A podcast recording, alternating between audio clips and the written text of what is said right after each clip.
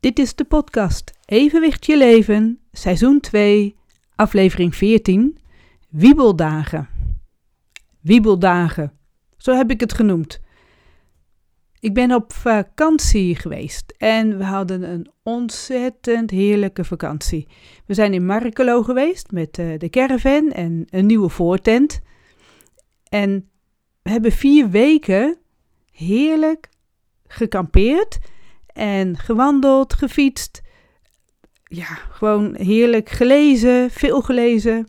Van alles gezien in de omgeving. Markelo, uh, daar zijn heel wat heuvels in de omgeving.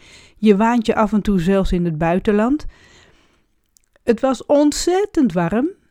En gelukkig hadden wij ook een plek waar uiteindelijk de schaduw kwam, zo halverwege de middag.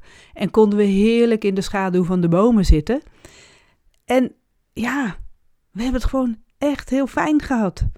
En toen we thuis kwamen, de boel uitgeruimd, de caravan schoongemaakt, eh, alles opgeruimd, gewassen. Ook dat ging allemaal heerlijk. En daarna was de vakantie helemaal voorbij. En ging iedereen weer aan het werk. Kinderen gaan allemaal weer naar school. En op de zondagavond, voordat we eigenlijk weer allemaal moesten beginnen, was ik zo draaierig dat ik echt zo had van nou, hè? Dus ik ben maar op tijd naar bed gegaan. Ik heb heerlijk geslapen en de volgende ochtend voelde ik al van dit gaat niet goed. Ik heb ook mijn afspraken afgezegd voor die dag. En ik heb echt een wiebeldag gehad. Niet goed kunnen lopen. Uh, ik durfde eigenlijk in eerste instantie niet eens de trap naar beneden te lopen. Heb ik wel gedaan. En dat was dus geen hele zware aanval van uh, draaiduizeligheid, maar echt zo'n zo'n hele milde. En die heb ik natuurlijk wel veel vaker. Alleen, ik begreep niet waar die nu vandaan kwam. Ik had echt van, hoe, hoe kan ik daar nu last van hebben? Dus de hele dag. Ja, dan kan ik niet zoveel. Lezen lukt niet goed, uh, computeren gaat niet. Uh, sowieso had ik de sport al afgezegd. Kon niet naar de sportschool lopen. Dus ja, wat kan je dan wel doen? Ik ben gaan mandala weven, gewoon omdat het heel rustig werk is en stil. En je kunt het in je eigen tempo doen, op je eigen plekje gewoon lekker stilzitten. Maar meer kon ik ook niet. Ik kon ook niet zoveel geluid verdragen, hoortoestellen uitgelaten. Want dan, dan doet het gewoon zeer geluiden en, en uh, nou, het klinkt vervormd. Nou, wilde ik niet. Dus die hield ik uit. En ook de nacht daarna, dat was op maandagnacht, nog steeds. Nog steeds dat ik uh, s'nachts als ik wakker werd en opstond, voelde al van, oh, dit is nog steeds niet oké. En dat bleek ook wel, ook dinsdagochtend, weer zo'n dag. En eigenlijk de tweede wiebeldag. Want deze dagen noem ik dus een wiebeldag. Dat het allemaal niet gaat zoals ik dat wil, omdat ik echt instabiel ben. ben. Veel instabieler dan, dan gewoon als het een goede, goede dag is. Dat heb ik de hele vakantie niet gehad. De hele vakantie is het goed gegaan. Terwijl dit soort dagen af en toe in een vakantie nog wel eens de kop opsteken. En dat kan allerlei redenen dan hebben en de hele vakantie niks. Dus waar kwam dit vandaan? Nou had ik op dinsdagmiddag, die tweede wiebeldag van mij, had ik een interview met de krant, Nederlands Dagblad. En die journaliste die kwam. En mijn man had al zo van, zou je dat wel door laten gaan? En ik had echt zo van, ja, waarom niet? Als ik stil zit, heb ik daar niet zo heel veel last van. En ik kan direct weer uit mijn eigen ervaring natuurlijk vertellen. En dat is gewoon heel goed verlopen. Na dat interview moest ik ook echt nog even naar de winkel en heb ik gezegd van ik ga toch lopen. Ik ga kijken of het lukt om naar de winkel te lopen. Zit hier toch om de hoek. En gelukkig, ah, dat lukte. Ik kon goed redelijk goed lopen en weer terugkomen, boodschappen doen en zo, boodschappen mee. Maar waarom had ik daar nu dan toch last van? Had het dan toch te maken met dat ik dat interview ging doen? Dat ik dat toch wel heel erg spannend vond of zo? Uh, de woensdag erna, na die twee wiebeldagen, ben ik op de fiets naar het Lorelei Festival gegaan. Uh, normaal is dat drie dagen, maar dan mag je ook dan één dag komen. Achteraf gezien is het prima dat ik maar voor één dag heb afgesproken. Want anders was het helemaal niet eens gegaan om meerdere dagen daar aanwezig te zijn. En die ene dag daar naartoe, dat, dat lukt. Ik ben uh, wel weggegaan met het idee van ik stap nu op de fiets en als ik halverwege de straat dan merk dit gaat niet, dan, dan fiets ik weer terug en blijf ik thuis. En ja, gelukkig lukte dat. Ik kon doorfietsen. Ik heb heerlijk gefietst. Uh, dat is hier namelijk in, uh, in Zeewolde wordt het Lorelei Festival gehouden. Op het kampeerterrein De Banken. Dat is net buiten Zeewolde en ja, dat is eigenlijk ook een heerlijk fietstochtje. Dus ik heb rustig aan gefietst en uh, ik heb daar de hele dag rondgelopen, gezeten, geluisterd, meegedaan aan workshops. Een, een lekker hapje gegeten, lekkere taart. En ja, dat was helemaal oké. Dat was echt. Toen dacht ik van. Ik, ik merk zelfs heel weinig nu weer van dat ik twee van die wiebeldagen had. Komt het dan ook dat ik dat toch nog wel weer spannend vond om ook naar dat Lorelei Festival te gaan? Dat, het, uh, dat ik daar dus in het weekend dan mee bezig was. Oh ja, ik moet daar woensdag naartoe. En dat ik dan toch zoiets had van. Oeh, dat ik dat weer zo, ja, al die vrouwen die ik daar weer tegenkom. Het is natuurlijk, het is uh, twee jaar uh, corona, is het toch allemaal anders geweest. Hoe, zal dat nu weer gaan? Dat dat misschien allemaal onbewust meespeelde. Ik weet het dus niet. Ik weet niet of het daaraan ligt. Komt het ook misschien dan dat iedereen aan het werk ging en dat ik nog niet helemaal precies wist hoe ik mijn week ging indelen met ook mijn eigen werk en zo? Geen idee. Waar ik nog wel ook over wil hebben van uh, afgelopen week. Het is alweer twee weken geleden, die wiebeldagen. Uh, afgelopen week ben ik naar het Audiologisch Centrum geweest. Audiologisch Centrum in Amersfoort. Want ik heb extra hoorhulpmiddelen gevraagd om meer in groepen uh, dat ik de, iedereen kan blijven verstaan.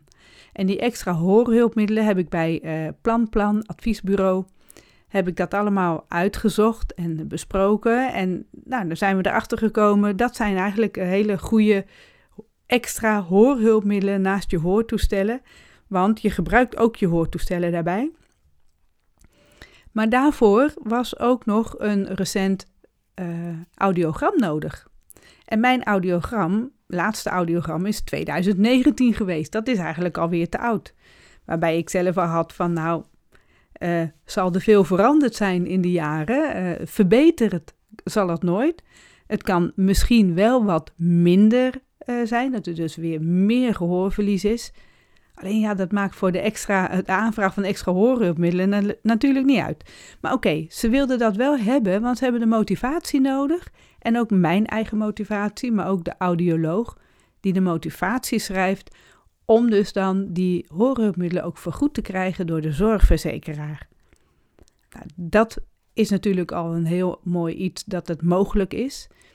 Want daardoor kan ik veel meer opdrachten gaan aannemen. Veel meer opdrachten waar ik in groepen kan werken. Tot die tijd, totdat ik wist dat dat mogelijk was, uh, heb ik eigenlijk dat afgehouden. Heb ik afgehouden om met een grotere groep aan het werk te gaan. En uh, daar ben ik wel voor gevraagd: wil je dat gaan doen? Wil je dat gaan doen? En ergens heb ik altijd nee gezegd en wist ik niet precies waarom. Maar dat is natuurlijk de reden dat ik ergens ook wel weet dat ik dan in zo'n groep een beetje verloren voel, omdat ik al die mensen niet kan verstaan. Dan heb ik echt een schrijftolk erbij nodig. En soms zijn er ook.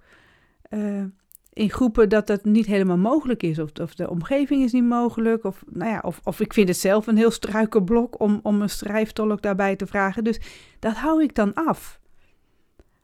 En met deze extra horenhulpmiddelen heb ik meer in handen om dus uh, alle mensen in een groep te kunnen verstaan. Dus ik naar het audiologisch centrum om een recent audiogram te laten maken. Nou, dat uh, bleek ook wel. Het was nagenoeg hetzelfde audiogram als drie jaar geleden. Aan de ene kant heel fijn, want dan is er toch niet heel veel meer gehoorverlies. Ja, het was wel een beetje, maar het gaat zo langzaam in de jaren. Dus dat is gewoon wel fijn om te weten. Want ik zeg altijd wel, ik kan op een gegeven moment doof worden. Maar als het zo langzaam gaat zoals nu, ja, dat is eigenlijk wel een fijn gegeven. Maar het is wel zoveel, dat gehoorverlies, dat het duidelijk is dat ik in een groep dus die verstaanbaarheid, ondanks met hoortoestellen, dat dat niet zo goed is. En wat ze ook hebben gedaan in het audiologisch centrum, is gekeken of mijn hoortoestellen wel goed zijn ingesteld. En dat kunnen ze gewoon doen, hoef je zelf niks voor te doen, dat, dat meten ze dan.